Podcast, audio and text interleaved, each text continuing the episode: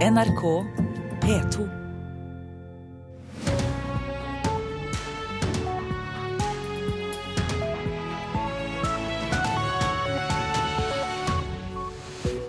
Her kan du bli med Nyhetsmorgen videre. I studio, Øystein Heggen. Trump var altså mer forsonende i sin tale i natt enn han har vært tidligere, men vi spør hvordan han skal finansiere sine store investeringer i bruer, veier og flyplasser, og hva hans økonomiske politikk betyr for resten av verden. Fylkene vil fortsette som valgkretser, selv om de nye regionene kommer. Kun hver femte personartikkel i Wikipedia handler om en kvinne. Hør fra en som vil gjøre noe med det. Og mange gir seg i filmbransjen lenge før pensjonsalderen. Stort arbeidspress er årsaken. Ja, det var altså mer forsoning fra president Donald Trump enn vi er vant til i eh, talen i natt til Kongressen. Han ba republikanere og demokrater om å samarbeide, men eh, opprettholdt den tøffe tonen i innvandringspolitikken. Trump innledet med å snakke om at amerikanerne nå opplever en ny nasjonalstolthet og optimisme, og at drømmene er oppnåelige. A new national pride is sweeping across our nation. And a new surge of optimism is placing impossible dreams firmly within our grasp. What we are witnessing today is the renewal of the American spirit. Our allies will find that America is once again ready Og USA-korrespondent eh, Tove Bjørgaas, eh, det var altså et langt mer forsonende preg over store deler av talen? Det var det, og det var først og fremst tonen til Trump som var en annen. Det var akkurat som han var blitt en, en ny person ikke disse vanlige voldsomme uttalelsene, men i stedet så åpnet han med å fordømme rasisme og antisemittisme etter eh, flere angrep og bombetrusler mot bl.a. jødiske skoler her de siste ukene, og et, eh, en skyteepisode i Kansas City der to indere ble drept, som han har fått kritikk for ikke å ha fordømt tidligere. Men så gikk han også videre til å snakke om hvor viktig det er å samarbeide, og at alle skal drømme de samme store drømmene i USA, og han ønsket å å snakke om optimisme i denne talen. I innsettelsestalen sin så snakket han jo om at USA, at USA nærmest eh, er et, et blodbad. Sosialøkonom Steinar Juel i Civita, du er også med oss. Velkommen til deg. Takk for det.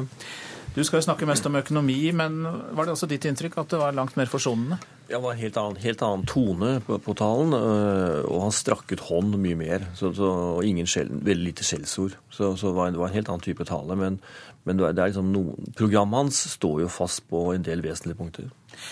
Det setter meg på noe, fordi vi har også funnet et kutt eh, som klart og tydelig sier noe om nettopp det du sier, Jul. At han var klar og tydelig på noen punkter, ikke minst på Obamacare, som han eh, vil fjerne og erstatte. Tonight I am also calling on this Congress to repeal and replace Obamacare. Ja, Det var ikke ende på den applausen der, eh, Tove Bjørgaas. Så på noen punkter så var han seg selv. Ja, og Dette er en av de aller viktigste sakene for republikanerne. Trump sa at han ønsker eh, å fjerne altså denne helsereformen til Obama og erstatte den med et system der han skal få forsikringspremier for vanlige folk ned, men der det er den frie konkurransen som skal eh, råde. Og der det også skal være slik at dersom du har en kronisk sykdom, så skal du ha rett til å kunne kjøpe en helseforsikring. Eh, men han mener altså at Obamas reform har, vært svært lite effektiv. Men det gjenstår da å se Tove Bjørgaas, eh, om alle de som har denne helseforsikringen i dag, fortsatt får den, eller kunne han gi noen garantier? Det var veldig lite tall i denne talen, og han ga ikke noen garantier om det. Det er jo veldig mange amerikanere, også republikanske velgere, som er urolige for, for dette. Fordi mange har fått den helseforsikringen de ikke hadde før, og dette systemet er blitt endret. Så det er fortsatt mange ubesvarte spørsmål akkurat rundt det. I Dagsnytt Tove Bjørgaas, så nevnte jo du dette med økonomiske investeringer. Da har jo du sagt en del om det, så vi kan gå til Steinar Juel. 1000 ehm, milliarder dollar på infrastruktur som veier og bruer og flyplasser. Hvor skal han hente de pengene?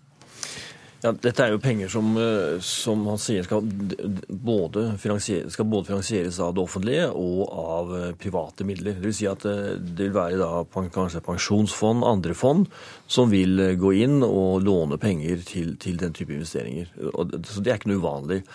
Men disse, disse, fondene skal ha tilbake pengene sine også, så det betyr at trolig så blir det da mer mer bompenger også i USA, vil jeg tro. Så på en måte så må det betales for, det også, selv om, selv om private kan gå inn og finansiere til å begynne med. Men, men 1000 milliarder er jo Han sa ikke noe om hvor lang tid det skal strekke seg over. Eh, det, kan jo, det behøver ikke være så mye hvis f.eks. dette skal være over ti år. Tove Bjørgaas, eh, hvordan er hans muligheter til å få dette gjennom i Kongressen? Det er jo veldig viktig for republikanerne i Kongressen at budsjettunderskuddet ikke blir større enn det er i dag. Og Kongressleder Paul Ryan er en av dem som er aller mest opptatt av det. Eh, så Trump må finne en måte å gjøre dette her på uten at det koster mer penger. Og han la fram et svært ambisiøst budsjett i går med store økninger i forsvarsutgifter. Og så vil han også ha store skatteletter. Så kanskje Juel har et godt svar på hvordan han skal betale for dette. Men, men det er vanskelig å se. Eh, han sa i går at eh, den økonomiske veksten vil bli så mye høyere at man vil få inn økte inntekter på den måten. Eh, men jeg er usikker på om det, om det holder. Ja, hva sier du? Ja, nei, Jeg har også registrert at han uh, har veldig optimistiske tall for veksten i økonomien. Uh, opp på tretallet og vel så det. Uh, som er nokså nok så utenkelig gitt den situasjonen USA er i nå, hvor det er en veldig moden konjunkturoppgang. Eller hvor, hvor konjunkturen er kommet veldig langt opp. Så, så jeg, jeg tviler på om det er riktig, men, men det minner litt om sånn sånn, eh, som man hadde på under også Reagan, hvor man skulle finansiere skattelettelser og andre ting ved hjelp av sterkere vekst. Som ble kalt Laffer-effekten, altså at eh, det er selvfinansierende utgiftsvekst eller skattelettelse. Jeg har ingen tro på det. Så det vil nok bety at, eh, at underskuddene vil øke hvis dette går gjennom Kongressen. Og, og det tåler for så vidt USA nå, men, men USA også er i en situasjon hvor hvor eh, folk blir eldre, og, og, de får da store økninger i en del utgifter utover på 20-tallet. Men Jul, eh, det har jo vært børsoppgang i USA flere dager på rad nå. Er det en optimisme? Ja, Børsene er veldig kortsiktige. De ser, ser bare på seg selv på si, og hva bedriftene vil tjene og, og den kortsiktige konjunkturoppgangen. Eh, og klart, eh, Skattelettelse er noe som, eh, som også er viktig for børsene, hvis, hvis bedriftene kan, kan, få det. Pluss at hvis det blir høyere aktivitet og prioritering av amerikanske selskaper, som man også la vekt på, at det skal være kjøpe amerikanske varer og kjøpe amerikansk stål osv., som man snakket om. Bjørgaas, vi kommer ikke utenom et punkt som har preget Trumps presidentperiode så langt, nemlig dette med innvandring. Hvilke utspill kom han med? Nei, Det alle lurer på nå, for det har kommet meldinger om det i et par timer før, før, talen, det er om det i dag vil komme et revidert utgave av dette innreiseforbudet for mennesker fra sju land med muslimske flertall. Det melder Wall Street Journal og Washington Post at det vil gjøre, og at Trump da vil legge fram ny, et nytt slikt forbud som er smalere, som ikke vil ramme de som allerede har fått visum, og som dermed kanskje ikke vil bli stoppet i domstolene. Trump sa i talen sin at det, at det er viktig å beskytte amerikanske borgere, og at det er naivt å slippe inn folk fra land der man ikke har gode nok bakgrunnssjekkprosedyrer. Men i tillegg så snakket han også om at han ønsker å, reformere den lovlige innvandringen til USA ved å skaffe USA mer av den arbeidskraften landet trenger. Han nevnte Canada og Australia som har slike programmer der man tiltrekker seg eh, arbeidskraft med bestemte kvalifikasjoner. Eh, og han ønsker også å samarbeide med Kongressen om, om innvandringsreform. Ja, for eh, dere økonomer, Steinar Juel, eh, dere regner vel ikke slik at eh, innvandring nødvendigvis er negativt for økonomien, at den tar bort arbeidsplasser fra de som allerede bor i et land? Nei, altså innvandrere skaper jo også selv arbeidsplasser gjennom at de også skal kjøpe varer og tjenester. Så, så det regnestykket er vanligvis helt annerledes enn det som man hører i den type retorikk.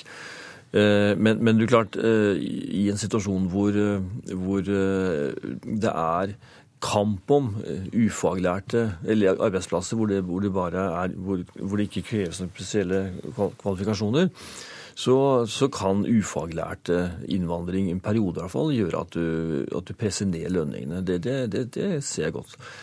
Men, eh, men eh, det, er jo, det, er jo, Gjennomgående så er jo et åpent arbeidsmarked noe som vi også erfarer i Norge. En positiv eh, del for økonomien. Det gjør at du kan også få bygd disse veiene som han skal bygge. For det er ikke sikkert at det er nok arbeidskraft i USA til å gjøre det. For sysselsettingen er veldig høy, og ledigheten er veldig lav. Så, så å ta inn arbeidskraft for å bl.a. gjøre det, vil jeg tro at de kan ha behov for. Så konklusjonen, konklusjonen, til slutt her, Tove Bjørgaas, eh, når det gjelder innvandringspunktet, er vel kanskje at det blir en justering, kanskje en moderasjon i løpet av dagen når det kommer en presisering fra Donald Trump? Ja, det blir en ny presidentordre i så fall om et innreiseforbud, som kommer til å skape masse bråk igjen på flyplassene rundt omkring i landet, som står fortsatt eh, immigrasjonsadvokater klare eh, og venter på hva han skal foreta seg.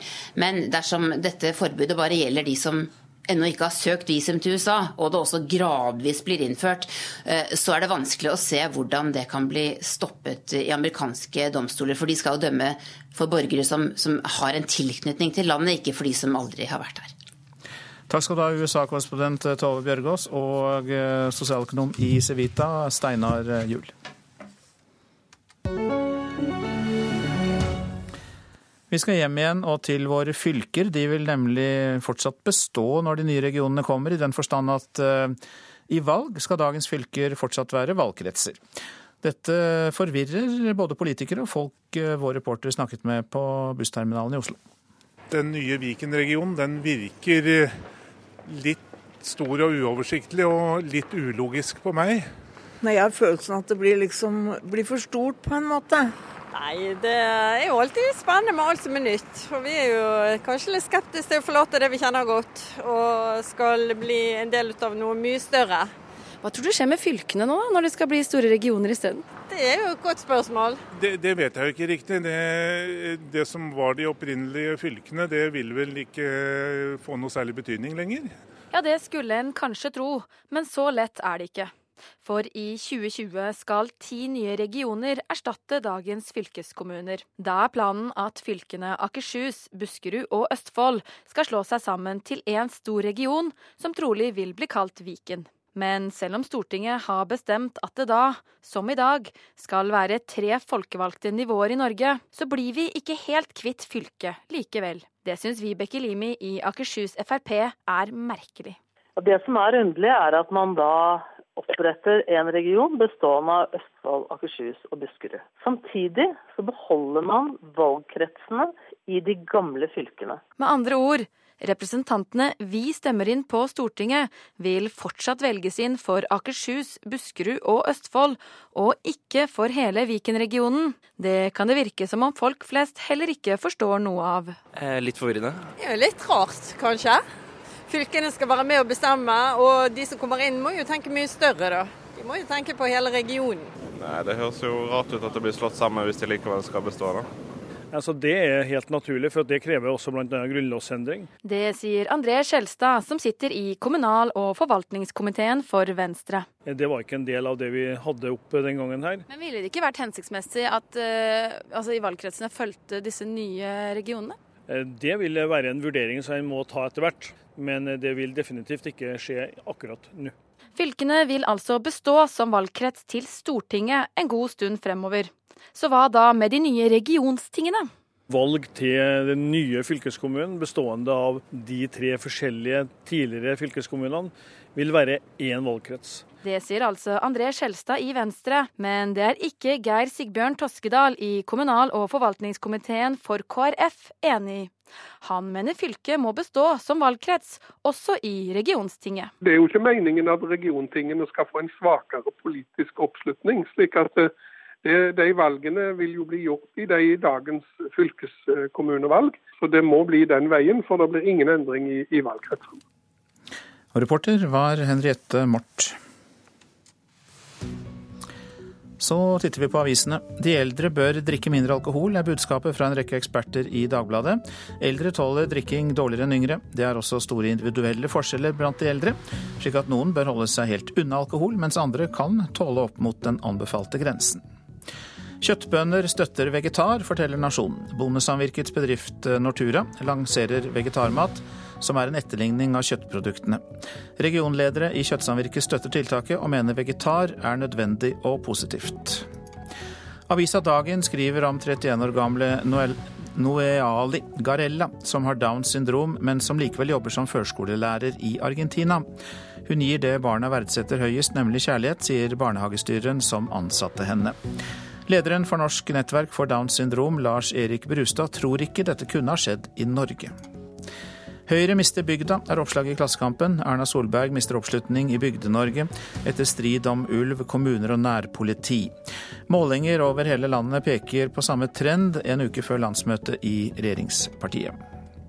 Klarer ikke å holde tidsplanen, skriver Bergens Tidende om den fergefrie forbindelsen E39 mellom Stord og Os i Hordaland. Tidligere lovet regjeringen byggestart neste år, men nå snakkes det om tidligst 2022 eller 2023. Det er jødemyter og vrangforestillinger i skolen, sier Lise Rebekka Paltiel ved Det jødiske museet i Trondheim til Vårt Land. Paltiel mener at skolene formidler ortodoks jødedom, men ikke forteller norske elever om hvordan moderne norske jøder lever i dag. Nå ruster advokatfirmaene seg til priskamp, får vi vite i Dagens Næringsliv. Nils H. Thommessen i advokatfirmaet Wiersholm varsler priskonkurranse. Særlig da innenfor transaksjoner, børsnoteringer og rådgivning til næringslivet. Nederlandsk protestparti fosser fram selv om landet går godt, er oppslaget i Aftenposten. I et land med lav arbeidsledighet, god økonomi og mange fornøyde velgere, kan likevel Gert Wilders parti gjøre det så godt i valget 15.3 at det kan gå mot lange og tunge forhandlinger mellom de andre partiene for å kunne danne en regjering. For de vil nemlig ikke at Wilders skal være med der. Det har vært uro og spekulasjoner rundt det norske hopplandslaget i forbindelse med helsen til Johan Forfang. Han besvimte jo søndag, og årsaken er fortsatt ikke kjent. Men hos oss skal det være åpenhet og mulighet til å snakke om det meste. Det sier sportssjef Claes Brede Bråten. Vi har jo egentlig en sånn overordna filosofi at uh, det er ikke noen ting vi skal være redd for å snakke om. Det føler jeg gjør at gutta og jentene våre er mer trygge på seg sjøl i, i, settinger med media, som, uh, som igjen fører til at vi ikke tror det er noe energilekkasje i hele tatt. Søndag måtte Johan Forfang trekke seg fra mixed lagkonkurransen i VM fordi han fikk et blodtrykksfall og besvimte i garderoben. Sportssjef Bråten gikk samme dag ut med informasjon om at 21-åringen var uvel, men sa ikke da nøyaktig hva som hadde skjedd, av hensyn til de pårørende. Senere på kvelden uttalte Forfang at han ikke hadde drukket nok vann. Dermed startet spekulasjonene om at det kunne skyldes mangel på næring. Men jeg opplever at dere som jobber i media er eh, ekstremt profesjonelle, og idet vi begynner å prøve å skjule noe eller holde noe tilbake, så tar dere det med en gang. Eksempelvis nå hvor jeg ikke fortalte hele historien om forfang. Så ja, derfor så ønsker vi bare rett og slett å være så åpne og transparente som, som mulig. Johan Forfang er enig i at det er takhøyde i hopplandslaget utad. Ja, det vil jeg jo si. Men akkurat i denne situasjonen gikk det ikke helt etter planen det er liksom ikke vits å lukke seg og skape enda mer spekulasjoner, sånn som vi har opplevd nå. Det var jo rett og slett en liten glipp eh, der vi ikke hadde lagt en plan på hvordan vi skulle fortelle media hva som hadde skjedd. Vi vet fortsatt ikke hva som var grunnen til at Forfang besvimte.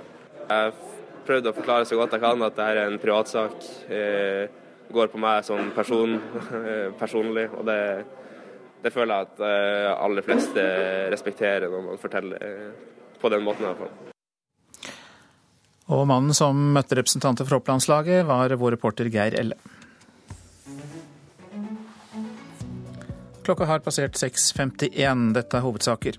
I natt holdt president Donald Trump sin første tale til den amerikanske nasjonalforsamlingen, Kongressen. Trump varslet en storstilt satsing, 1000 milliarder dollar, på veier og annen infrastruktur.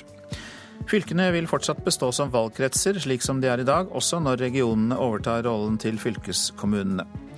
Fremskrittspartiet vurderer å åpne for doble statsborgerskap igjen. Flere fylkesledere i partiet sier de vil fjerne forbudet. Mer om det etter klokka sju. Nå skal vi høre at to av tre medlemmer i Filmforbundet sier de har gått på en smell som følge av for stort arbeidspress.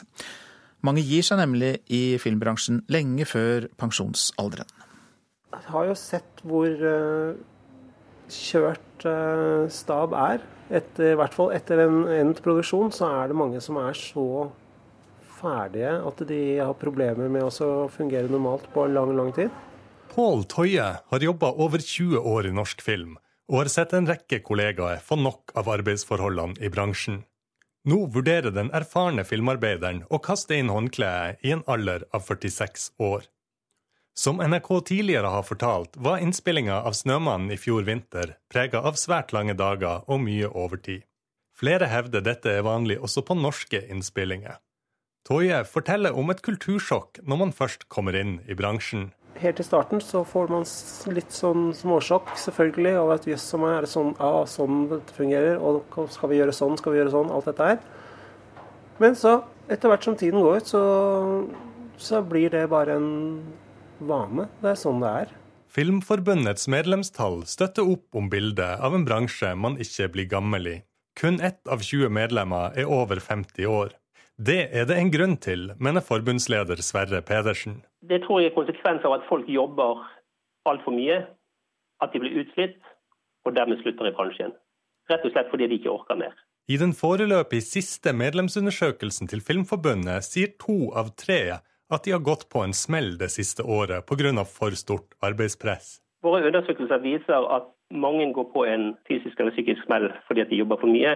Eh, og at slitasjen er så stor at det er en vesentlig del av, av avskallingen i bransjen. Folk orker ikke mer, de klarer ikke mer, og familien aksepterer ikke at det jobbes på denne måten. Pål Toje forteller at han har sett mange kollegaer forsvinne ut av bransjen fordi arbeidspresset blir for stort. Selv om de elsker denne bransjen, her, sånn, så sier de at nok er nok. Og det, jeg har så mange tilfeller, venner som kollegaer, som har gitt seg. Torbjørn Urfjell er direktør i Virke Produsentforeninga, som organiserer norske produsenter. Han mener ting har blitt bedre siden Filmforbundets medlemsundersøkelse ble gjort i fjor, og har tro på at det er mulig å bli gammel også i norsk filmbransje. Film- og TV-produksjon vil nok være arbeidsintensivt òg uh, i framtida, uh, men det skal være mulig å ha et normalt liv. Uh, vi jobber med å stadig fornye de avtalene som finnes, og er spesielt opptatt av å forvalte tillitsvalgte på hver produksjon for å sikre at forholdene er som de skal være. Reportere Eirin Venås Sivertsen og Gaute Sakariassen. Under 20% av profilartiklene på nettleksikonet Wikipedia handler om kvinner. Den skjeve kjønnsbalansen irriterer en forsker ved Musikkonservatoriet i Tromsø. Og det neste året så publiserer hun derfor én ny Wikipedia-artikkel i uka, som utelukkende er om kvinner. Jeg fant jo fort ut at eh, Berit Nordbakken Solseth, som er sopran og eh, verdenskjent, vil jeg si, ikke hadde en wiki. Hun jobba hos oss på Musikkonservatoriet. Så det var veldig... Hilde Blix viser fram sin aller første Wikipedia-artikkel om sopran Berit Nordbakken Solseth fra Finnsnes i Midt-Troms. Hilde Blix, som jobber som dosent ved Musikkonservatoriet i Tromsø, har lenge irritert seg over den skjeve kjønnsbalansen på Wikipedia.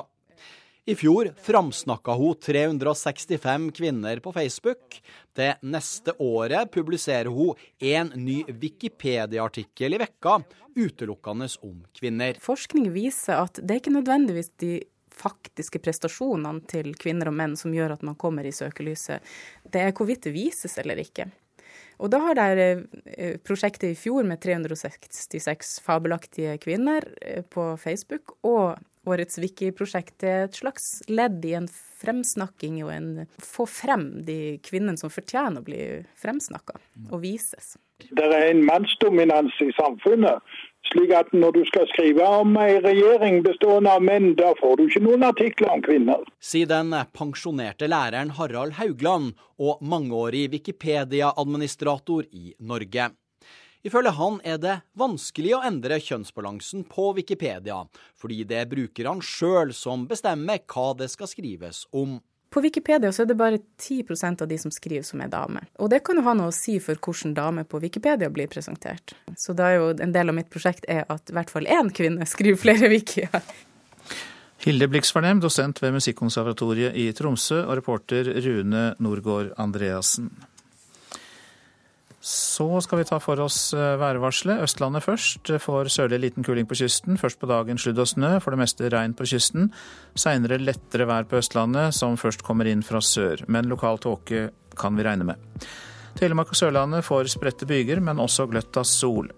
Fjell i Sør-Norge. I Langfjellet opp til vestlig liten kuling, ellers opp til sørlig stiv kuling utsatte steder.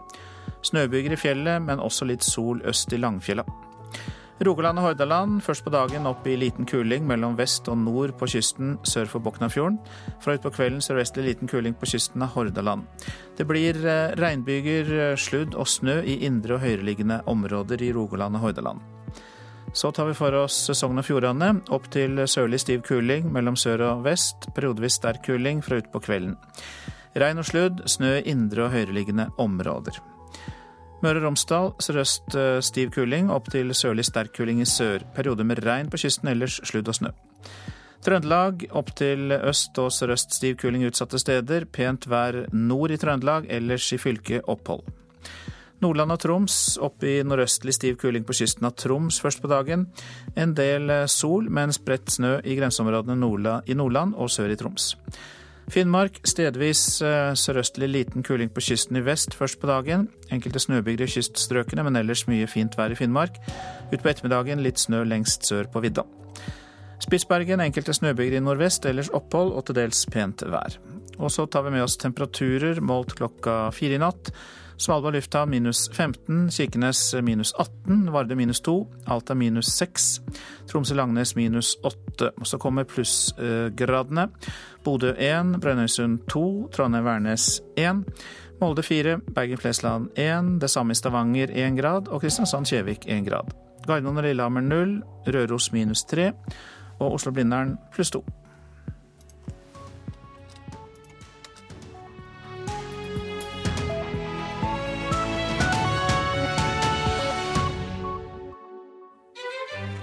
Min morgen starter ti over fire. Da ringer klokka. Kaffe på kjøkkenet, tømmer i termosen. Jakob Arvola står opp midt på natta for å servere deg musikkfrokost. Riktig god morgen. Det er venta forsinkelser på Gardermoen i dag. Musikk og nyheter. Jeg ønsker at eh, du som lytter føler deg oppdatert, oppvåkna og uthvilt. Kanskje lukke øynene av og til og få den aller beste starten på dagen. Musikkfrokost med Jakob Arvola på NRK Klassisk. Lite sannsynlig at Trumps milliardsatsing kan betale seg selv, mener økonom. Omstridt rekkverk langs veiene bør bli tillatt igjen, det mener Personskadeforbundet. Her er NRK Dagsnytt klokken sju. USAs president Donald Trump sier han vil bruke 1000 milliarder amerikanske dollar på investeringer i infrastruktur som veier og broer. Deler av regningen skal betales av at økonomien skal vokse mye sterkere, mener Trump. Men det er lite sannsynlig at det er mulig. Det mener Civita-økonom Steinar Juel. Jeg har også registrert at han uh, har veldig optimistiske tall for veksten i økonomien, uh, opp på tretallet og vel så det. Eh, som er nokså nok så utenkelig gitt den situasjonen USA er i nå, hvor det er en veldig moden konjunkturoppgang. Eller hvor, konjunkturen er kommet veldig langt opp. Så, så jeg, jeg tviler på om det er riktig, men, men det minner litt om sånn eh, sånn, eh, som man hadde på under også Reagan, hvor man skulle finansiere skattelettelser og andre ting ved hjelp av sterkere vekst. Som ble kalt Laffer-effekten, altså at eh, det er selvfinansierende utgiftsvekst eller skattelettelse. Jeg har ingen tro på det. Så det vil nok bety at, eh, at underskuddene vil øke hvis dette går gjennom Kongressen. Vaierrekkverk bør bli tillatt igjen, elleve år etter at samferdselsminister Liv Signe Navarsete la ned forbud mot denne rekkverktypen. Det mener assisterende generalsekretær Per Oretorp i Personskadeforbundet, som representerer trafikkskadde. Forbudet ble innført etter påtrykk fra motorsyklistene, som mener rekkverkstypen er farligere for dem enn andre rekkverk. Vi ønsker at det politiske forbudet mot, uh, mot bruk av veier som midtdeler, at det blir hevet. Slik at Vegvesenet kan få lov å bruke alle nødvendige tiltak og alle muligheter til å bygge så mye møtefri vei som overhodet mulig. For et par uker siden sa ambulansetjenesten i Østfold til Aftenposten at rekkverkstypen fungerer godt og ikke har hatt den eggedelereffekten mange motorsyklister er redd for. Nå ber Personskadeforbundet samferdselsministeren om å oppheve forbudet mot vaierrekkverk. Og Vi mener at Vegvesenet når de bygger vei, skal få lov å bruke de mest hensiktsmessige, det man får mest trafikksikkerhet ut av eh, for pengene.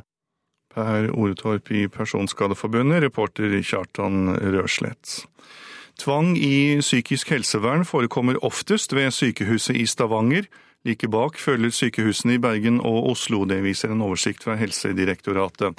Etter loven skal tvang bare brukes når det er fare for liv og helse. I 2015 ble det gjort vedtak om tvangsmiddelbruk mot vel 10 av pasientene i psykisk helsevern i Stavanger. Helse Vest sier de har satt i gang arbeid for å få tvangsbruken ned. NRK Dagsnytt, Tor Albert fra En mer forsonende Donald Trump enn vi er vant til, talte til Kongressen i natt. Her i Nyhetsmorgen skal vi snakke med Are Togvold Flaten i amerikansk politikk.no. Og jeg kommer til å spørre om Trump helt har skiftet stil. Her får du høre mer om Wire-nettverk langs veiene, om det er farlig eller redde liv. Trafikkskadde motorsyklister er altså uenige, som vi hørte i Dagsnytt. Og Frp kan komme til å gå inn for å fjerne forbudet mot dobbelt statsborgerskap. Vi kommer tilbake til Donald Trump og USA, men eh, først om Wire-rekkverk. I ti år har de vært eh, forbudt å montere på veier her i landet, fordi motorsyklistene altså mener de er farlige for dem. Men forbudet bør oppheves eh, for å få bygd så mye møtefri vei som mulig, mener assisterende generalsekretær Per Oretorp i Personskadeforbundet. Og han representerer de trafikkskadde. Vi ønsker at det politiske forbudet mot, eh, mot bruk av veier som midtdeler, at det blir hevet. Slik at Vegvesenet kan få lov å bruke alle nødvendige tiltak og alle muligheter til å bygge så mye møtefri vei som overhodet mulig. På E6 i Østfold suser bilene forbi på et stykke av motorveien som fikk vaierrekkverk i midten, før rekkverkstypen ble forbudt av samferdselsminister Navarsete i 2006. For et par uker siden sa ambulansetjenesten i Østfold til Aftenposten at rekkverkstypen fungerer godt og ikke har hatt den eggedelereffekten mange motorsyklister er redd for. Nå ber Personskadeforbundet samferdselsministeren om å oppheve forbudet mot vaierrekkverk. Og Vi mener at Vegvesenet når de bygger vei, skal få lov å bruke de mest hensiktsmessige, det man får mest trafikksikkerhet ut av eh, for pengene. Norsk Motorsykkelunion er fortsatt imot vaierrekkverk, selv om alle typer rekkverk er farlige å kjøre på, sier generalsekretær Morten Hansen. Det som er spesielt med vaierrekkverk, og særlig når det er brukt som midtrekkverk, er at hvis man kjører inn i det stående, så har eh, vaierrekkverket en lei tendens til å hekte seg fast i motorsykkelen og holde motorsykkelen fast, istedenfor som f.eks. et betongrekkverk eller stålskinne, hvor du får en slags skibakkeeffekt, hvor du blir, eh, kan komme ut i en egen kjørefelt. Også de svenske motorsyklistene er imot vaierrekkverk.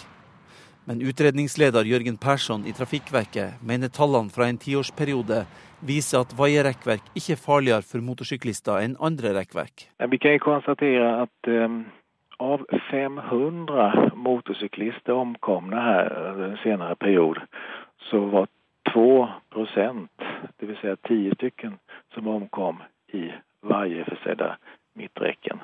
Ingen motorsyklist har omkommet under denne perioden i et siderekke med veier. Ifølge Vegdirektoratet fikk drøyt tre mil med to- og trefeltsveier midtdeler i fjor, mens det i år bare kommer på seks kilometer. Vegdirektoratet vil gjerne ha muligheten til å sette opp vaierekkverk, selv om de nå har fått flere andre typer rekkverk òg å velge mellom.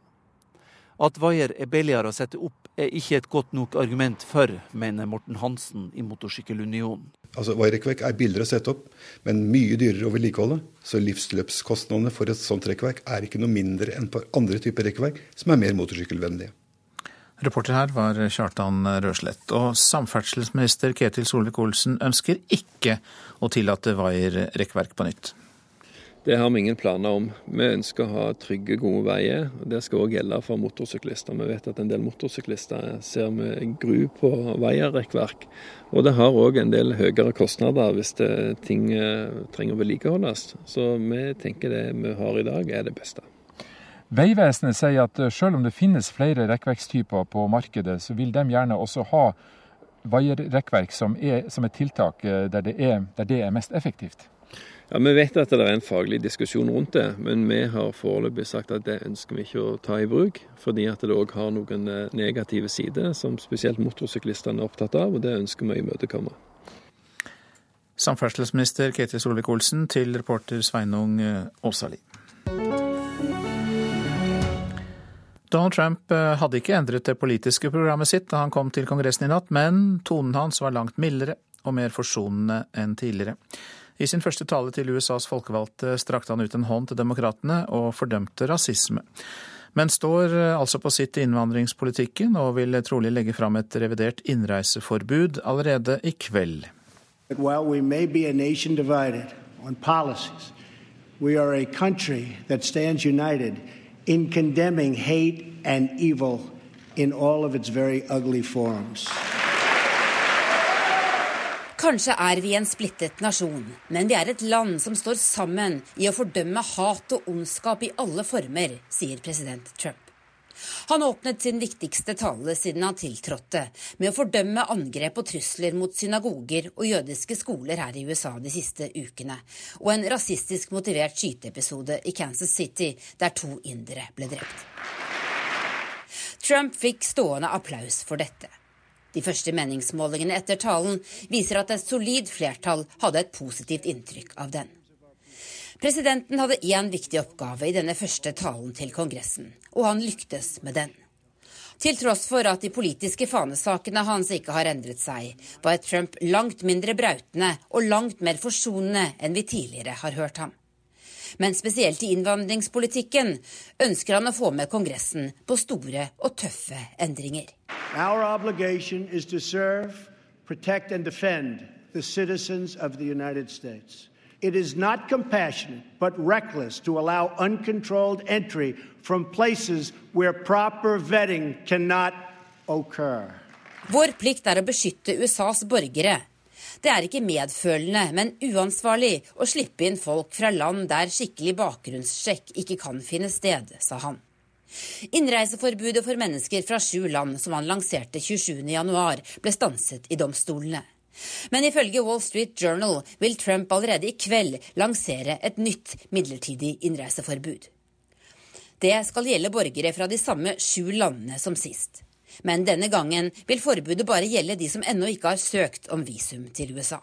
Tonight I am also calling on this Congress to repeal and replace Obamacare. Trump fikk stor applaus fra sine egne da han lovet å erstatte Obamas helsereform med noe annet. Og også da han lovet å skape millioner av arbeidsplasser ved å satse 8000 milliarder kroner på en storstilt bygging av broer og veier. Og Det fortalte USA-korrespondent eh, Tove Bjørgaas. Og så sier vi god morgen til deg, Are Togvold Flaten. God morgen. Du er med oss, eh, og du er redaktør for amerikansk politikk.no, forfatter av boka 'Sirkuset Clinton, Trump og tidenes valgkamp'. Ja, hvorfor eh, ser vi en mer forsonende Trump nå? Har han helt skiftet stil? Ja, altså stilen var en annen i den talen her. Mer sånn tradisjonell president. Det er jo en tradisjonstung tale. Uh, og sånn sett så, så oppfylte den den rollen som en president der, inkludert lang stående applaus av enka til en Navy Seal som, som ble drept for noen uker siden. Eh, og til og med hans tidligere motstandere beskrev det øyeblikket eh, og talen som presidential. Eh, men selve budskapet i bunn er jo fortsatt det samme. Det er viktig å huske på, selv om tonen og, og innpakninga var litt annen den gangen her. Men med annen tone, annen innpakning, kan det virke mer samlende? Ja, absolutt. Det kan virke mer samlende. Spørsmålet er om man kan klare å opprettholde det her når han ikke står foran eh, Kongressen i en slik tale som det her. Eh, vi hørte snakk om dette innreiseforbudet, at det skal eh, oppdateres. Det er kommet noen signaler nå om at de vil utsette dette litt, slik at mediedekningen av den talen her skal få mer oppmerksomhet, framfor å gå rett inn i en mer kontroversiell debatt igjen om dette innreiseforbudet. Så får vi se om de utsetter det noen dager, som det ryktes. Ja, de vil la det forsonende inntrykket ligge og hvile litt. Men det var form. Hva med innhold? Du har jo hørt på talen. Hva opplever du som det viktigste budskapet?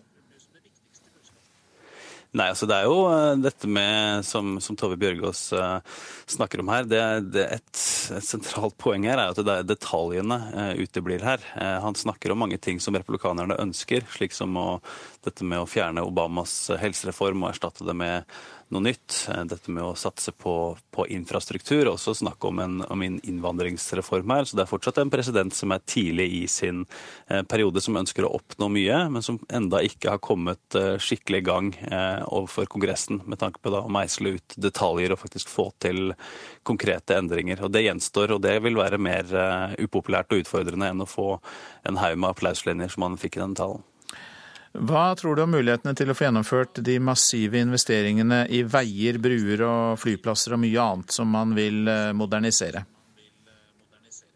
Ja, så Han trakk fram eh, Eisenhower, som da fikk gjennom dette interstate-systemet eh, som man kjører på dersom han drar til, til, USA. Og Utfordringen her er å prøve å få med seg demokrater. Gjøre det vanskelig for demokratene å motsette seg det her. Obama og demokratene også i lang tid ønska infrastruktur satsing. Eh, så det er jo en av de tingene eh, som Trump faktisk da kan eh, håpe på å få til i samarbeid i, i Kongressen i årene framover. Noe han også da nevnte i denne talen. Så det er en av de tingene man kan følge med på fram til mellomvalget neste år, dersom Trump faktisk da får til konkrete ting her og kommer i gang med det.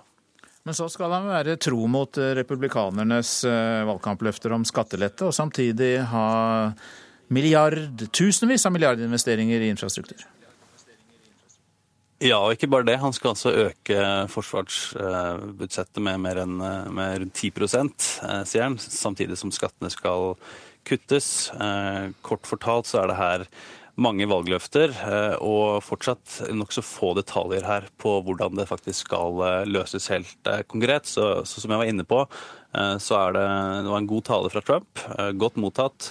Spørsmålet er nå, når han skal da begynne å faktisk gjennomføre mange av disse tingene. Det gjenstår, og det kommer til å bli eh, langt mer utfordrende. Mange takk, Are Togvold Flaten, redaktør for amerikansk amerikansk politikk.no. Jarle Roheim Haakonsen har listet seg inn i studio mens vi har snakket, og du er redaktør for Politisk kvarter i dag, og sannelig dukker dukker ikke Donald Trump opp også, også, også, hos deg? Ja, Det skal du se at han gjør. Vi har eh, norske politikere som jo har grøsset og lukket øynene og håpet på noe bedre hver gang Trump har åpnet eh, munnen. Nå spør vi dem hva de tenker etter denne uh, uvanlig vanlige talen fra Donald Trump. Og vi har også med oss eksperter som mener at norske politikere ja, de har noe å lære av Trump. Hvordan han snakker om å sette sine egne borgere først. Og vi lurer jo på hvordan denne internasjonale internasjonale politikken, som Trump jo er en, eh, skal si, sjefen for, vil komme inn og styre norsk valgkamp når den kommer i gang. Så veldig mye av Trump eh, sin eh, viktighet er avgjørende også for norsk valgkamp, som så smått er i gang. Om temmelig nøyaktig en halvtime. Politisk kvarter ved Jarle Roheim Håkonsen. Dette er hovedsaker i Nyhetsmorgen. President Donald Trump holdt en langt mer forsonende tone enn tidligere i sin første tale til Kongressen i natt, har vi hørt i denne sendingen. Han ba republikanere og demokrater om å samarbeide, men opprettholdt en tøff tone i innvandringspolitikken. Trafikkskaddes organisasjon ber om at vaierrekkverk igjen blir tillatt, men motorsyklistene mener de er farlige. Samferdselsminister Ketil Solvik-Olsen sier han ikke vil tillate slike rekkverk igjen. Stavanger universitetssykehus topper lista når det gjelder tvangsbruk mot psykiatriske pasienter. Én av ti ble utsatt for tvang i 2015. Mer om det litt seinere i sendinga. Nå om at Frp kan gå inn for å fjerne forbudet mot dobbelt statsborgerskap. Mange i partiet er skeptiske, men en ringerunde NRK har gjort, viser at en rekke fylkesledere kommer til å stemme for det forslaget. Jeg tror jo at lojaliteten til Norge først og fremst ligger i eh, hjertet ditt, eh, og hvor du har tilhørigheten. Og den tror jeg absolutt er eksisterende, selv om man eventuelt tillater dobbelt statsborgerskap. Bjørn Kristian Svensrud, som leder Fremskrittspartiets Ungdom, har forsøkt å overbevise programkomiteen om å åpne for dobbelt statsborgerskap. Forslaget har flere støttespillere enn motstandere blant de fylkeslederne NRK har snakka med. Det vil f.eks. være for enkelte naturlig å vende tilbake etter at man har vært mange år i utlandet. Eh, det å ta med seg kompetanse fra utlandet og hjem til Norge, det vil være bra både for den personen det gjelder, men ikke minst også for Norge som, eh, som helhet. Så jeg, eh, jeg, ser at det er flere fordeler enn ulemper ved å tillate dobbelt statsborgerskap. Og ettersom at det også er mange tusen nordmenn som allerede har det i dag, så tenker jeg at det er noe som bør kunne gå gjennom. Folk som har dobbelt statsborgerskap, slipper å bli statsløse dersom de skulle miste sitt norske pass, sier en fylkesleder. At andre land klarer seg fint uten et sånt forbud, blir også trukket fram som et argument. Men mange er kritiske til forslaget. Rogaland FrPs leder Roy Steffensen er usikker på hva han kommer til å stemme. Først og fremst så er det vel fordi at du kan se at det svekker tilknytningen til land hvis du har dobbelt statsborgerskap og at det òg da kan stille spørsmålstegn med lojalitet til et land. Jeg heller nok i den retningen, men jeg ser jo òg at det er argumenter som er positive andre veien for de som søker om dobbelt statsborgerskap. Forrige uke sa partiets innvandringspolitiske talsmann Mazyar Keshvari at Somalias nye statsminister burde miste sitt norske pass. Han brukte bl.a. forbudet mot dobbelt statsborgerskap som argument. Eh, vi har en norsk borger som altså har blitt statsminister i Somalia. Jeg mener at vi er først og fremst nødt til å se på praksis her, all den tid det er ulovlig med dobbelt statsborgerskap. Og selv om noen av hans partifeller nå ønsker å fjerne nettopp det forbudet, er mange enig med Keshvari i at det er problematisk at Hassan Ali Kaire har to pass. Flere mener han burde gjøre som britenes utenriksminister Boris Johnson, som sa fra seg sitt amerikanske pass etter å ha gått inn i regjering. Jeg tenker først og fremst at eh, Hvis jeg hadde vært statsminister i et eh, annet land og hadde dobbelt statsborgerskap, så hadde jeg vært veldig interessert i selv å vise lojalitet til det landet som jeg var statsminister i. Så da hadde jeg av egen fri vilje frasagt meg det andre statsborgerskapet. Det, det ville jeg trodd var i hans egen interesse å gjøre. Men det som er så fint med, med den statsministeren der, er jo at uh, han egentlig, sånn som jeg ser det, kroneksempelet på hvordan det bør være. Det er at du kommer til Norge, du får midlertidig opphold, og den dagen det er trygt nok til å reise tilbake, så reiser du hjem og er med og bygger opp landet. Norge er nå det eneste landet i Norden som nekter sine statsborgere å ha flere pass. SV og Venstre har foreslått å fjerne forbudet her i Norge, og Stortinget har bedt regjeringa om å se på saken. Også i Høyre diskuteres forslaget, men flere av partiets fylkesledere sier til NRK at de avventer regjeringas utredning før de bestemmer seg. Den utredninga er venta etter påske, altså etter at Høyre har holdt sitt landsmøte om to uker. Reporter Hans Kosson Eide. Det er eh, stor forskjell mellom sykehusene her i landet når det gjelder tvangsbruk mot psykiatriske pasienter. Ved Stavanger universitetssykehus ble det brukt tvangsmetoder som beltelegging og holding eller isolasjon mot 10 eh, av pasientene som var innlagt i 2015. Og det er mest blant eh, institusjonene her i landet. Jeg hallusinerte. Det vil si at For meg så, så jeg øyer, svarte prikker overalt, og de var på meg og etter meg og snakket til meg og skulle ta meg. Jeg fikk helt panikk, og da gikk alarmen ganske fort. Silje Marie Strandberg beskriver en typisk situasjon som resulterte i tvangsbruk da hun var pasient på psykiatrisk i Stavanger. Tenk deg sjøl når du er fastspent, eh, når du er livredd, du flykter fra noe. Du er, du er en kamp om å på en måte overleve, og så skal du i tillegg bli bundet fast og gjerne ha folk oppå deg der igjen som holder deg fast og setter deg i sprøyter. I løpet av ti år som pasient ble hun utsatt for tvangsbruk 195 ganger. Og den dag i dag så, så sliter jeg i forhold til det hvert forhold. Eh, blir jeg holdt for hardt eller altså på tull, eller noen kommer og tar meg fort eller hardt på, på skulderen, så, så, er jeg livredd for at jeg skal bli hevet i bakken. Eh, og det er veldig vondt at det ender noe som preger meg så mye. Nå er det ni år siden Strandberg ble skreven ut. Siden da har utallige pasienter blitt utsatt for de samme tvangsmetodene. Tvangsbruk skal ligge på et så lavt nivå som mulig. Eh, så vil det jo alltid være at det oppstår av og til akutte situasjoner som krever tvangsbruk. Det sier Pål Iden, som er assisterende fagdirektør i Helse Vest, som både Stavanger universitetssykehus og Haukeland universitetssykehus i Bergen ligger unna. Og Det er de to sykehusene som topper lista når det gjelder tvangsbruk, viser tall fra Helsedirektoratet. I Stavanger ble det brukt tvangsmetoder mot 10% av pasientene som var innlagt på psykiatrisk i 2015, mot 6,2% på landsbasis. Jeg tror dette dreier seg om behandling behandlingstradisjoner og måten en møter pasienter på, og som er da varierer fra sykehus til sykehus. Det er jo ikke godt nok eh, å ligge så høyt som Stavanger gjorde i 2015. Dette er et viktig område som hele ledelsen i sykehusene òg er opptatt av, både i Stavanger og ellers i sykehusene i Helse Vest. Derfor har det blitt satt i gang et prosjekt for å få ned tvangsbruken. Etter loven skal tvang bare brukes når det er fare for liv og helse, og det er denne terskelen som det nå blir jobba med, sier Iden. Så går det på hvordan de ansatte skal møte denne typen atferd. Og faktisk òg akseptere en del mer såkalt galskap hos pasienter som er psykotiske. La de få lov til å hyle og skrike når, når det ikke skader de sjøl eller skader omgivelsene. akseptere hva skal du si, litt sånn aparte atferd, som, vi kanskje har lett for å si at nå må vi gripe inn, så vil jo neste runde med tall vise om dette har lykkes? Eh, ofte for min del så syns jeg at det gikk veldig fort fra jeg begynte å bli urolig til at de trykte alarm. Sier Silje Marie Strandberg, som har holdt mange foredrag om tida som psykiatrisk pasient. Og hun håper at færre må oppleve det samme som hun. Det er noe med å tenke over hvorfor, hvorfor havner en der at en blir sint eller redd eller ut, altså oppfører seg sånn som man gjør. Det ligger en grunn bak det. Jeg tror det må ha mer fokus på. Eh, jeg kommer fra redsel og frykt, f.eks. Og, og da på en måte bli kasta i bakken og låst fast i mange, mange timer. Det kan umulig være bra. Og denne reportasjen var laget av Mari Friestad. Vi titter på avisene. De eldre bør drikke mindre alkohol, er budskapet fra en rekke eksperter i Dagbladet.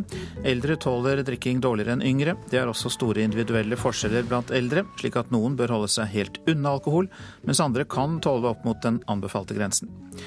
Kjøttbønder støtter vegetar, forteller Nasjonen. Bondesamvirkets bedrift Nortura lanserer vegetarmat, som er en etterligning av kjøttproduktene. Regionledere i Kjøttsamvirket støtter tiltaket, og mener vegetar er nødvendig og positivt. Avisa Dagen skriver om 31 år gamle Noeali Garella, som har Downs syndrom, men som likevel jobber som førskolelærer i Argentina. Hun gir det barna verdsetter høyest, nemlig kjærlighet, sier barnehagestyreren som ansatte henne. Lederen for Norsk nettverk for Downs syndrom, Lars Erik Brustad, tror ikke at dette kunne ha skjedd i Norge. Høyre mister bygda, er oppslaget i Klassekampen. Erna Solberg mister oppslutning i Bygde-Norge etter strid om ulv, kommuner og nærpoliti. Målinger over hele landet peker på samme trend en uke før landsmøtet i regjeringspartiet. Klarer ikke å holde tidsplanen, skriver Bergens Tidende om den fergefrie forbindelsen E39 mellom Stord og Ås i Hordaland. Tidligere lovet regjeringen byggestart neste år, men nå snakkes det om tidligst 2022 eller 2023. Det er jødemyter og vrangforestillinger i skolen, sier Lise Rebekka Paltiel ved Det jødiske museet i Trondheim til Vårt Land. Hun mener at skolene formidler ortodoks jødedom, men ikke forteller norske elever om hvordan moderne norske jøder lever i dag. Nå ruster advokatfirmaene seg til priskamp, får vite i Dagens Næringsliv. Nils Saa Thommessen i advokatfirmaet Wiersholm varsler priskonkurranse særlig da innenfor transaksjoner, børsnoteringer og rådgivning til næringslivet. Nederlandsk protestparti fosser fram selv om landet går godt, er oppslaget i Aftenposten. I et land med lav arbeidsledighet, god økonomi og mange fornøyde velgere, kan likevel Gert Wilders parti gjøre det så godt at valget 15. mars at det kan gå mot lange og tunge forhandlinger mellom de andre partiene for å kunne danne regjering uten å ta med Wilders. Nå om eldre og apper som skaper trygghet. I Grue kommune i Hedmark er slike apper testet ut, slik at eldre kan få raskere hjelp. Dersom trygghetsalarmen utløses, så varsler appen både pårørende, vaktselskap og hjemmetjeneste. Helga Forsund og naboen hennes bidrar til utviklingen av den nye appen. Jeg trykker på denne her, og da får jeg et grønt lys der. Da får jeg opp en melding om at trygghetsalarmen er utløst. Og da kan jeg ringe opp til vaktsentralen. Hjemmesykepleien får også melding om at alarmen er utløst. Helga Forslund på 80 år og naboen Line Ebbel på Grinder i Grue demonstrerer hvordan trygghetsalarmen og appen Tryggi virker. De er med og utvikler en helt ny app. Det er jo flott for ei gammel kjerring å kunne påvirke noe, syns jeg. Hvis alarmen ikke har dekning, har dårlig batteri eller blir utløst, får nabo Line beskjed om det via appen. Målet er at de eldre, og ikke minst de pårørende, skal føle seg tryggere, slik at de eldre kan bo hjemme lenger. Å vite at noen rundt her vet om meg. At jeg, jeg har sånne scenarioer når jeg er i kjelleren, f.eks.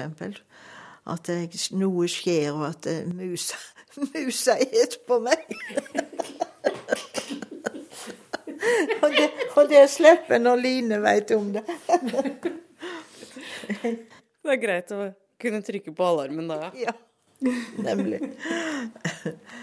Så jeg har veldig livlig fantasi.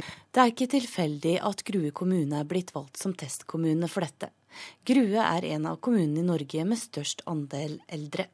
Mer enn hver femte innbygger er over 67 år. Bosettingen er spredt, og de ansatte i hjemmetjenesten tilbringer mye tid i bilen. Nye løsninger er nødvendig for en bedre eldreomsorg, sier ordfører Wenche Huser Sund. Vi blir jo flere og flere eldre. Og vi har jo ikke plass til alle sammen på et sykehjem eller på et gamlehjem. Mange vil jo bo hjemme også. Så dermed så er trygghet i hjemmet viktig. Og hvis det skjer noe, så kommer det noen og fanger deg opp så fort som mulig. Det er min livline. Jeg hadde ikke Riktignok har jeg mobiltelefon, og den har jeg jo oftest med meg. Men jeg, jeg føler meg veldig trygg med den, og det er nesten en forutsetning, syns jeg, for å kunne bo her alene. Og ikke minst betyr han mye for barna mine som bor i Oslo. Jeg tror de slapper mer av når de vet at jeg har denne. Over 80% sier de bekymrer seg for familiemedlemmer som bor alene. Det viser en undersøkelse Norstat har gjort for Telenor. Ove Fredheim, leder for Telenor bedrift, som utvikler appen i samarbeid med Pensjonistforbundet og Grue kommune, mener at behovet er stort.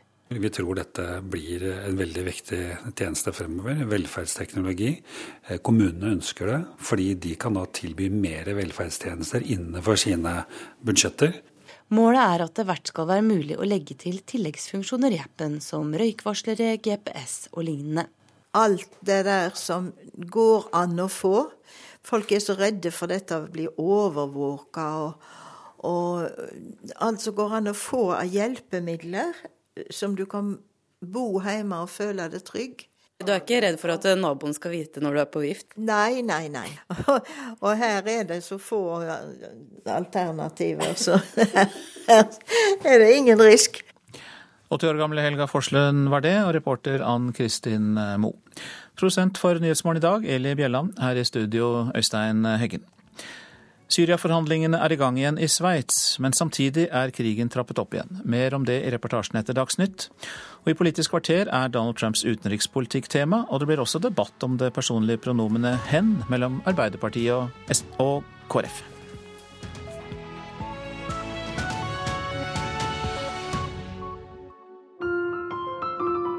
Spillerom i dag. Til Tøyen kirkes onsdagsgudstjeneste kommer folk fra gata og andre for å få litt suppe og høre ukas preken. Men med seg ut døra får de Andreas Utnems pianospill improvisert fram der og da, noe han har gjort i over 20 år. Hva sier tonene hans som ikke ord kan si?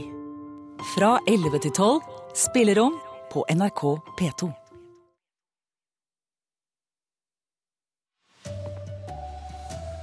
USAs president var mer forsonende i sin tale i natt enn han har vært tidligere. Trafikkskaddes organisasjon ber om at vaierrekkverk igjen blir tillatt. Motorsyklistene mener de er farlige. Og Fremskrittspartiet kan åpne for dobbelt statsborgerskap. Her er NRK Dagsnytt, klokken er 7.30. Donald Trump hadde ikke endret det politiske programmet sitt da han kom til Kongressen i natt, men tonen hans var langt mildere og mer forsonende enn tidligere. I sin første tale til USAs folkevalgte strakte han ut en hånd til demokratene og fordømte rasisme. We are a country that stands united in condemning hate and evil in all of its very. Kanskje er vi en splittet nasjon, men vi er et land som står sammen i å fordømme hat og ondskap i alle former, sier president Trump. Han åpnet sin viktigste tale siden han tiltrådte, med å fordømme angrep og trusler mot synagoger og jødiske skoler her i USA de siste ukene, og en rasistisk motivert skyteepisode i Kansas City der to indere ble drept. Trump fikk stående applaus for dette. De første meningsmålingene etter talen viser at et solid flertall hadde et positivt inntrykk av den. Presidenten hadde én viktig oppgave i denne første talen til Kongressen, og han lyktes med den. Til tross for at de politiske fanesakene hans ikke har endret seg, var Trump langt mindre brautende og langt mer forsonende enn vi tidligere har hørt ham.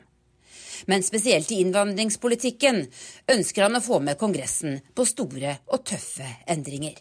Our obligation is to serve, protect and defend the citizens of the United States.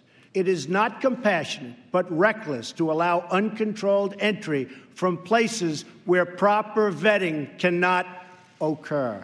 Vår plikt er å beskytte USAs borgere.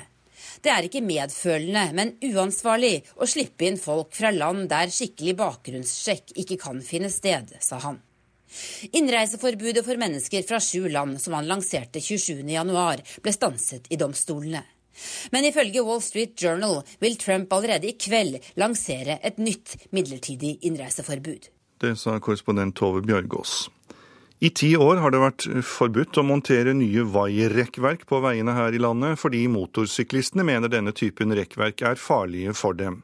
Det forbudet bør oppheves for å få bygd så mye møtefri vei som mulig, mener assisterende generalsekretær Per Oretorp i Personskadeforbundet, som representerer trafikkskadde.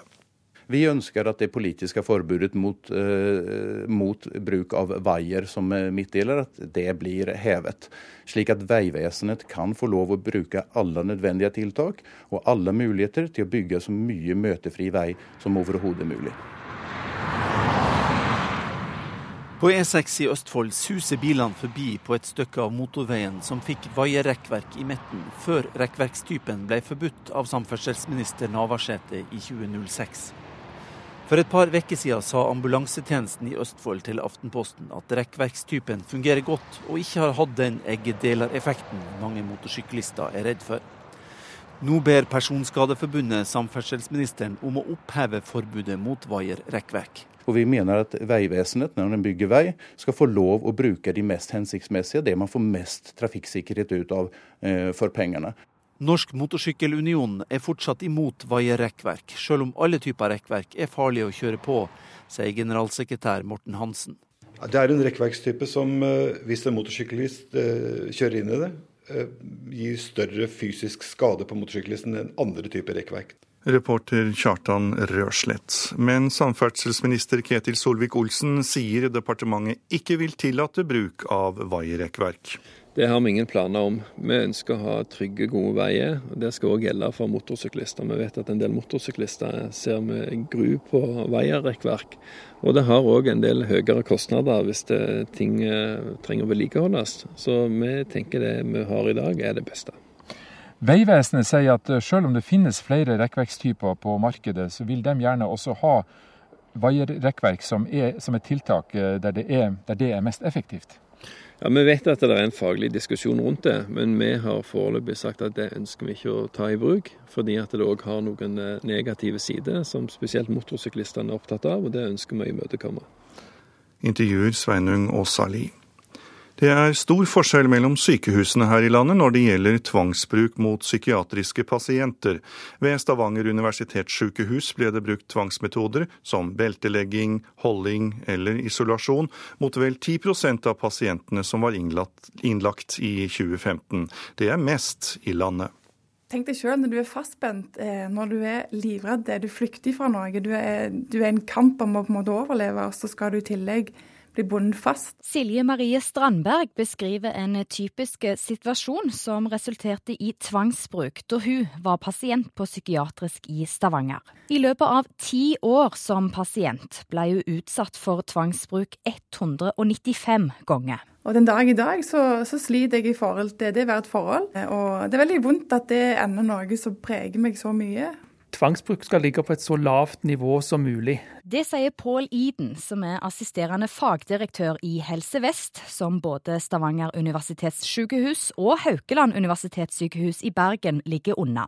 Og Det er de to sykehusene som topper lista når det gjelder tvangsbruk, viser tall fra Helsedirektoratet. Det er jo ikke godt nok eh, å ligge så høyt som Stavanger gjorde i 2015. Derfor har det blitt satt i gang et prosjekt for å få ned tvangsbruken, sier Iden. Og faktisk òg akseptere en del mer såkalt galskap hos pasienter som er psykotiske. La de få lov til å hyle og skrike når, når det ikke skader de sjøl eller skader omgivelsene. Reporter Mari Friestad. Spørsmålet om dobbelt statsborgerskap blir trolig tema på Fremskrittspartiets årsmøte til våren. NRK har ringt partiets fylkesledere, og flere av dem sier at de vil stemme for forslaget.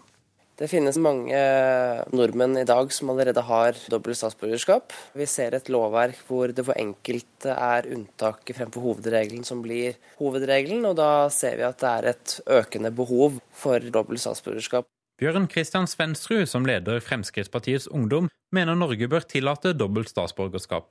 Forslaget har flere støttespillere enn motstandere blant de fylkeslederne NRK har snakka med. Men mange er også skeptiske til å endre på regelverket.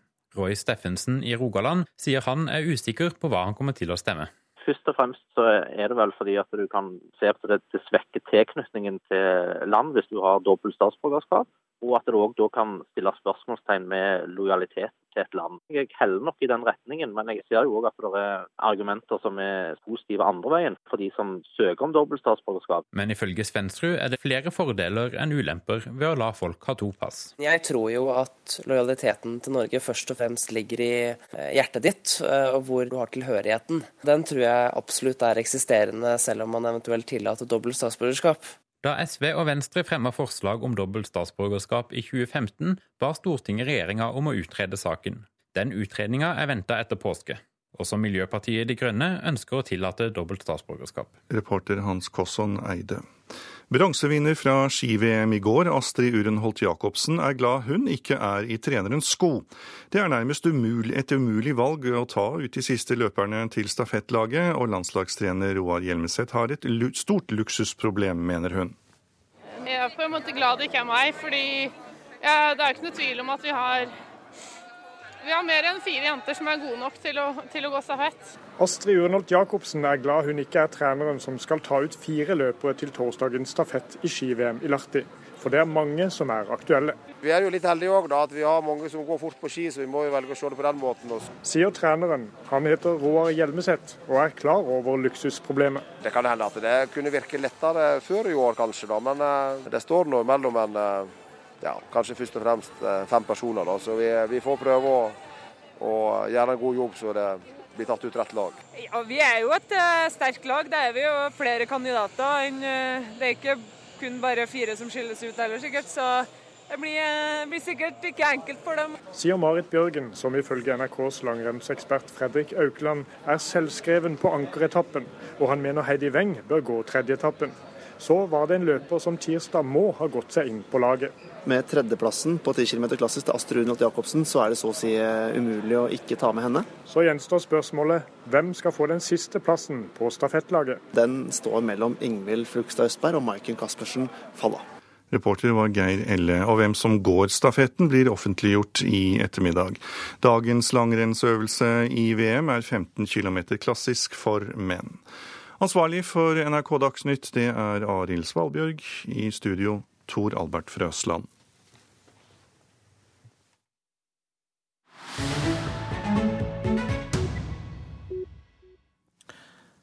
Nyhetsmorgen skal til Genéve i Sveits, for der forhandler partene i den syriske borgerkrigen igjen om mulighetene for å komme fram til en slutt på krigen. Men lite tyder på et gjennombrudd, og i Syria har krigen igjen tatt til i styrke.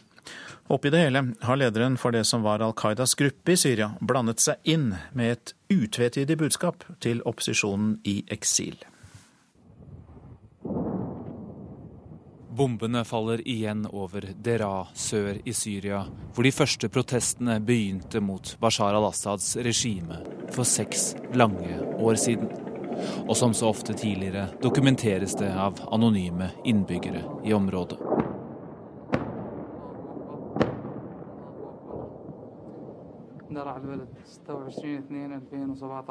Både russiske og syriske fly deltar i det som er en oppblussing av kamper flere steder i Syria, på tross av en våpenhvile som ble inngått like før nyttår.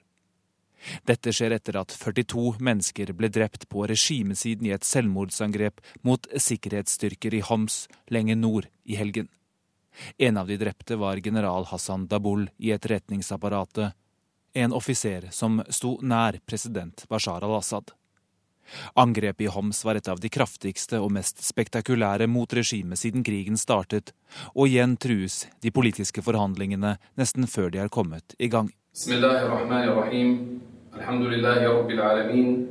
For det var jihadistkoalisjonen Tahrir al-Sham som sto bak. Den domineres av en gruppe som tidligere offisielt var Al Qaidas organisasjon i Syria, og som nå framstår som en av de sterkeste væpnede gruppene som slåss mot regimet i Damaskus. Det er deres leder, Abu Mohammed al-Jolani, vi hører snakke. I et sjeldent videoopptak sier han at de sto bak angrepet for å lære nederlagspolitikerne i Genéve en lekse. Denne leksen vil tørke vekk noe av skammen fra de som gambler med det syriske folks liv, nå i Genéve og tidligere i Astana, sa han med referanse til en tidligere runde med russiskledede forhandlinger, og varslet at Homs-angrepet kommer til å følges opp av andre lignende operasjoner. Den politiske opposisjonen i eksil som nå er i Genéve, har alltid hatt en vanskelig oppgave, og de har enda færre kort på hånden nå som myndighetsstyrkene og deres allierte har tatt tilbake hele Aleppo. De kan bare appellere til Russland om å gripe inn på deres vegne.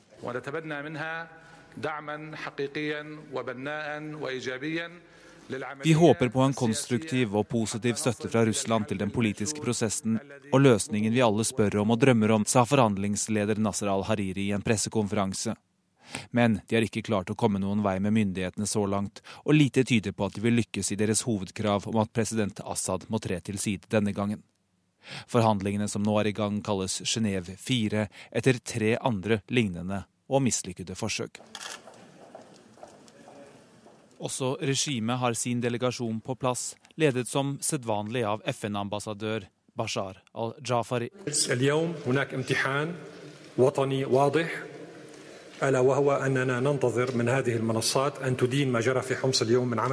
Han har i offentligheten nøyd seg med å kreve en fordømmelse av angrep i Hams, som han kaller en terrorhandling.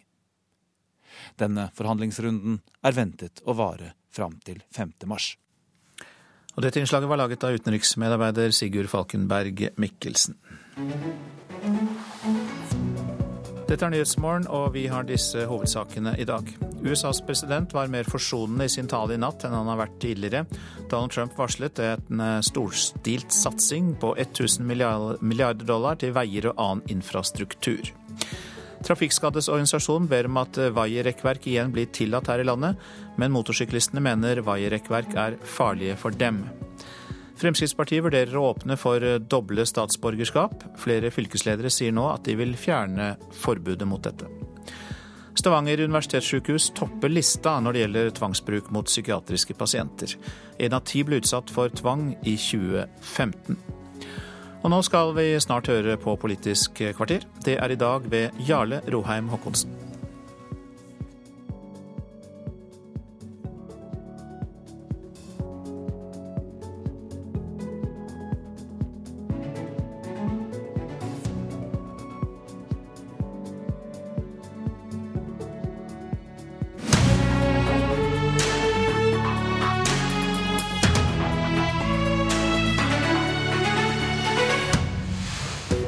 Hva vil Trump bety for norsk politikk? Skjønner vi mer etter nattas eh, viktige tale? Nei, usikkerheten og det potensielt farlige må vi fortsatt leve med, sier noen. Godt å få røska opp litt, vi har en del å lære, mener andre. Første tema i dagens Politiske kvarter er altså talen i Kongressen fra verdens nye alfahann. Og etterpå det skal vi snakke om hen. Arbeiderpartiet får eh, nemlig ikke stortingsflertallet med seg på å utrede noe tredje kjønn. Duell med KrF mot slutten av sendinga. God morgen og velkommen. Jeg heter Jarle Roheim Haakonsen. Uvanlig vanlig til å være president Trump, altså, og internasjonalt sett en forsonende og dempet tale i Kongressen. Men ble vi noe klokere på hva Trump vil med verden, inkludert Europa og Norge etter nattas tale? USAs utenrikspolitikk påvirker jo uansett Norge i stor grad, og kanskje kommer internasjonal politikk mot normalt til å bli tema også i norsk valgkamp til høsten. Dette skal vi diskutere, men hør litt først på Trump sjøl. Mr. Speaker, the President of the United States.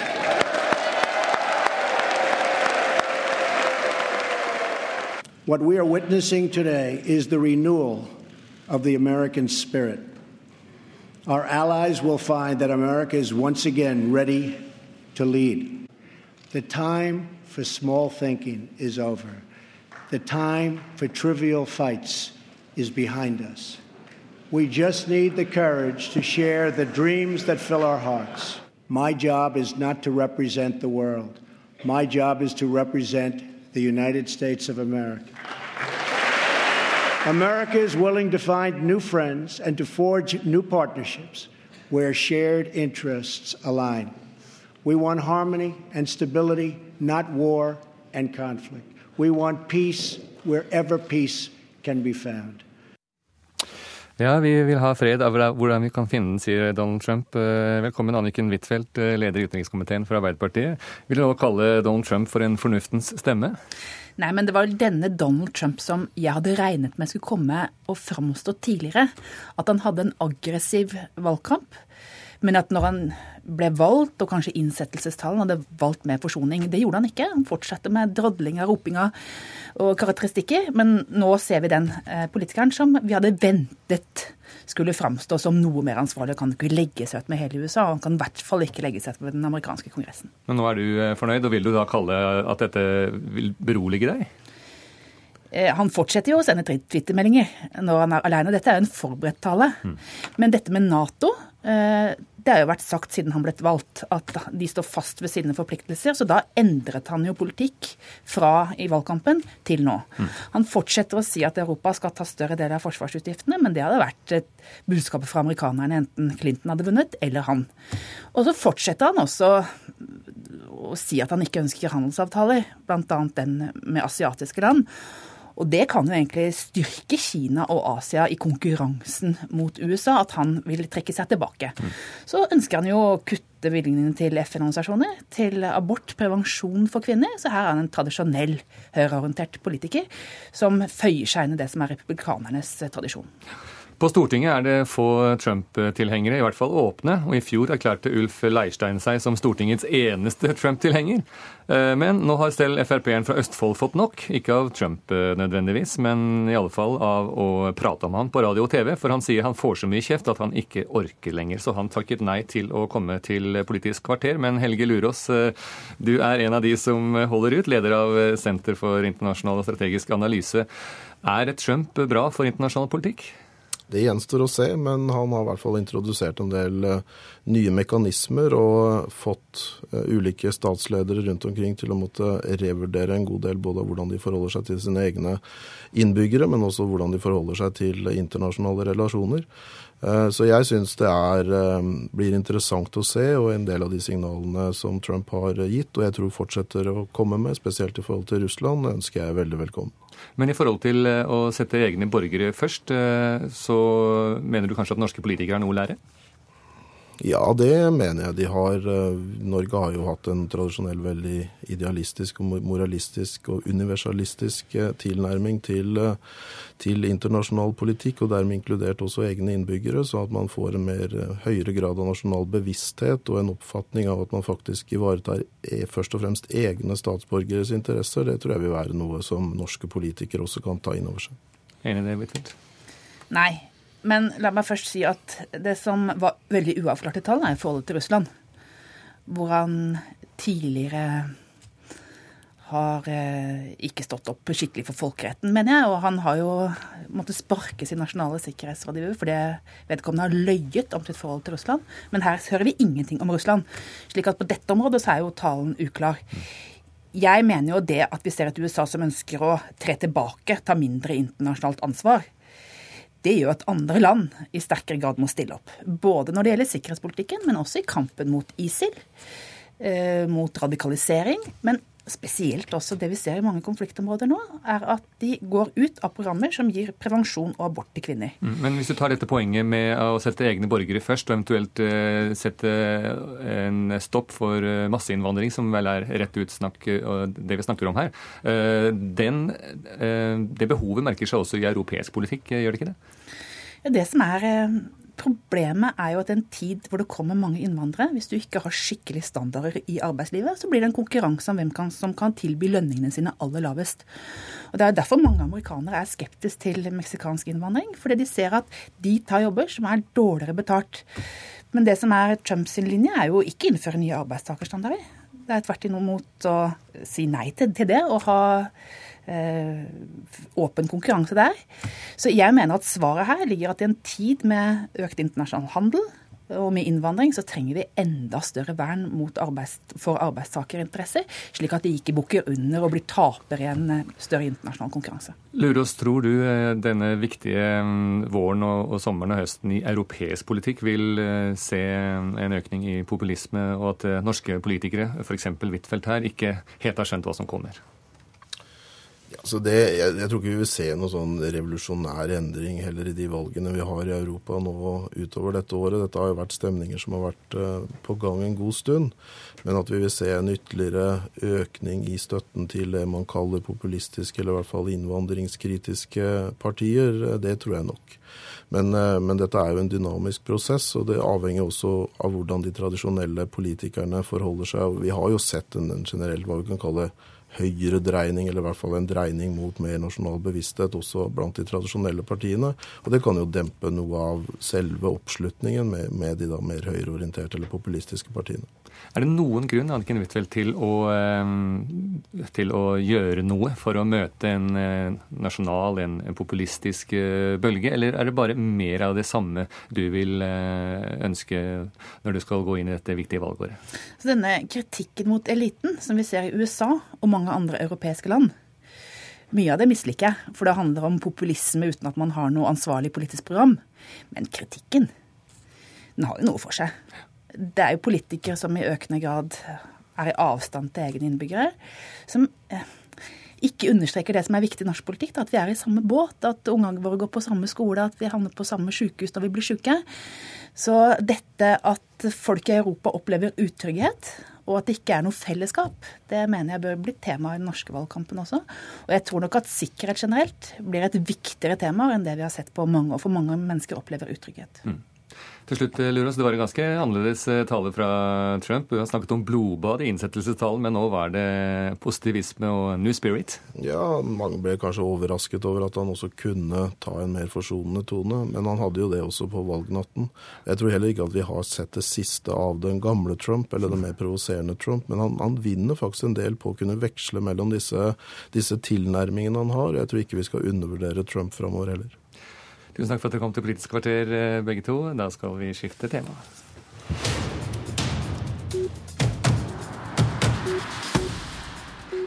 For eh, stortingsflertallet vil ikke ha noe utredning av noe tredje kjønn. Om en uke skal forslaget diskuteres i Stortinget, men det er allerede klart at Arbeiderpartiets forslag om å utrede et juridisk tredje kjønn, eller hen, som enkelte kaller det, ikke blir noe av. Første kategori er hunnkjønnene. Hannkjønnene. Interkjønn transkjønn, kjønnsflytere. Kjønnsavvisende.